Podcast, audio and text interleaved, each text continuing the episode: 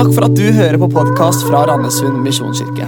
Denne talen er spilt inn på en av våre gudstjenester, og vår visjon er å hjelpe mennesker til tro på Jesus og et liv med Han. Gå inn på mkirken.no eller Randesund misjonskirke på Facebook for mer info.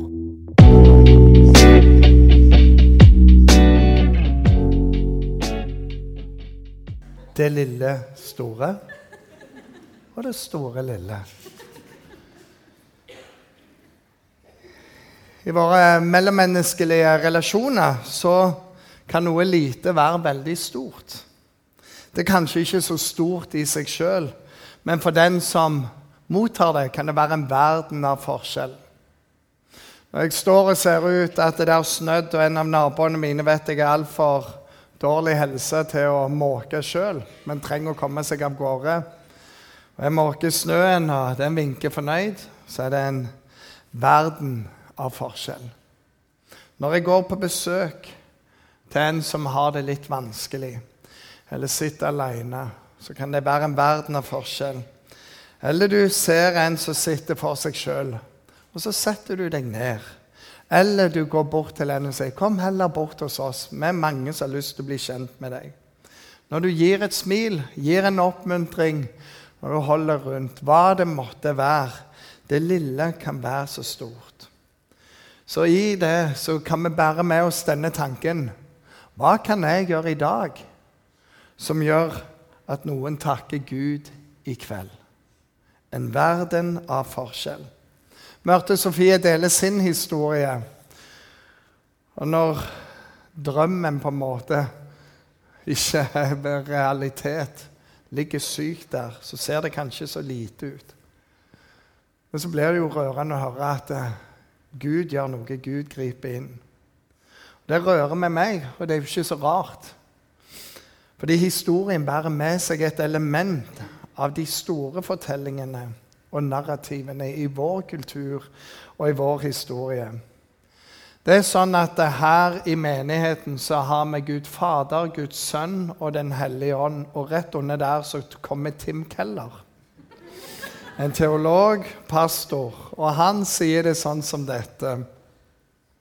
Og Jeg har tre sitat bare siden det var Fader, Sønn Hellig Ånd. Evangeliet om Jesus er historien bak enhver fortelling. Det er jo ganske dryg påstand. Bak enhver fortelling så er det. Hva mener han med det? Jo, Han begrunner det på denne måten her. Han, han sier det at uh, evangeliefortellingen er en fortelling som beundres og hvor alle andre fortellinger finner sin grunntone. F.eks. når du hører historien eller ser filmen om tragedien, så ender i triumf, og du går ut der Yes!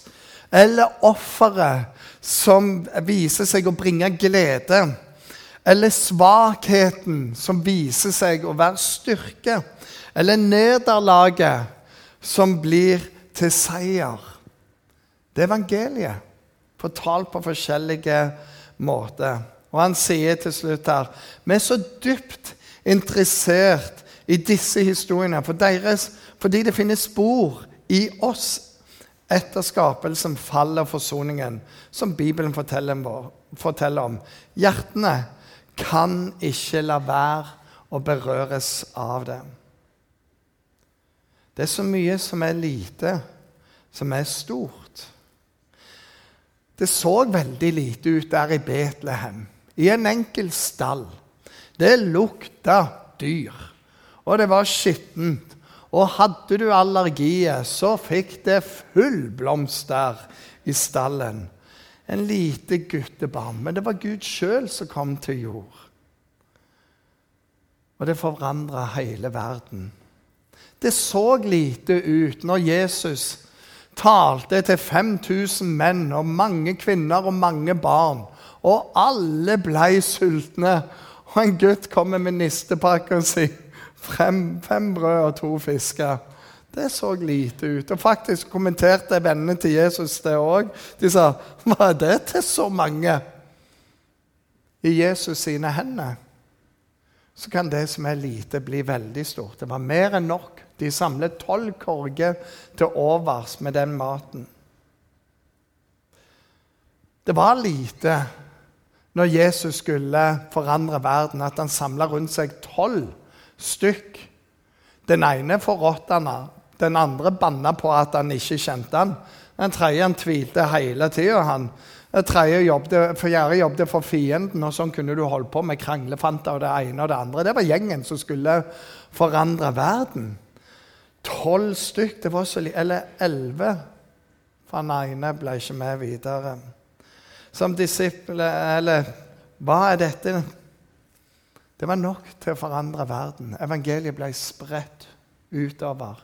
Tvileren reiste helt til India. Korset er på mange måter det samme.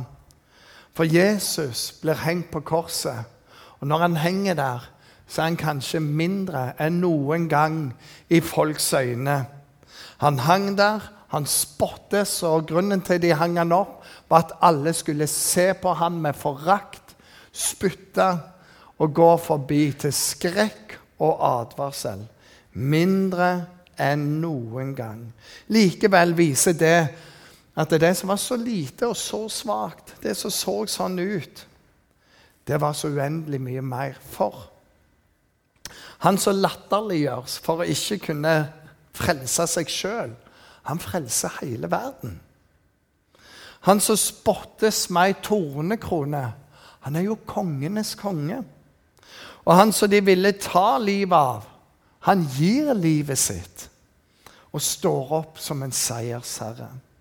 Det som er så lite, viser seg å være uendelig stort. Sånn kan det av og til være med troen òg. Du sier men jeg har ikke så mye tro. jeg. Og Jesus han vet det, for han sier om din tro er som et lite sennepsfrø. Bitte lite. Så lite tro. Men han får vanne det.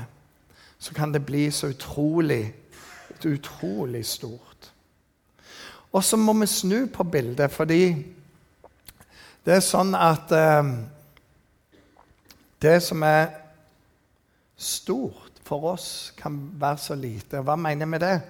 Av og til så er det sånn at når vi har gjort noe galt, så kjenner vi at dette går jo ikke. Det skygger for hele livet. Og så møter jeg Jesus, og så blir alle de syndene så utrolig små. Fordi Hans nåde dekker over det. Det står 'hvor synden er stor, ble nåden større'. Og i en engelsk oversettelse som jeg bare elsker, står 'where sin abundance, mercy superabundance. Det er bra for barnekirka, det. Nåden er bare superstor. Hvor enn så stort, så er det større. Det store blir så lite. Det står et bibelvers Denne her har sluttet å virke for lenge siden. Men kom opp et bibelvers. Vær ikke bekymret for noe, men legg alt dere har på hjertet, framfor Gud. Alt det vi går og bekymrer oss for, det kan vi snu om til en bønn. Og noen får et rikt bønneliv på den måten. Legg det framfor Gud. Be og kall på Han med takk. Og Guds fred som overgår all forstand, skal bevares deres hjerte og deres tanker i Kristus Jesus. For et løfte! Det som var så stort. Jeg bare bekymrer meg for alt. Når jeg legger det fram for Han, så er jeg bevart i alle ting. Og så er det sånn av og til at vi møter ting i livet. Det blir bare som en mur som blir større og større. Til slutt så er det helt uovervinnelig. Det er livets utfordringer. Det kan være noe som var skyld, som blir til skam. Det er nederlag, og det er alt det der som du tenker Men jeg kommer aldri til å klare å overvinne det. Det er så stort. Og så leser vi i Jesaja Sion sier, 'Herren har forlatt meg. Herren har glemt meg.' Av og til kan vi be det. Så fortsetter Kan en kvinne glemme sitt diende barn?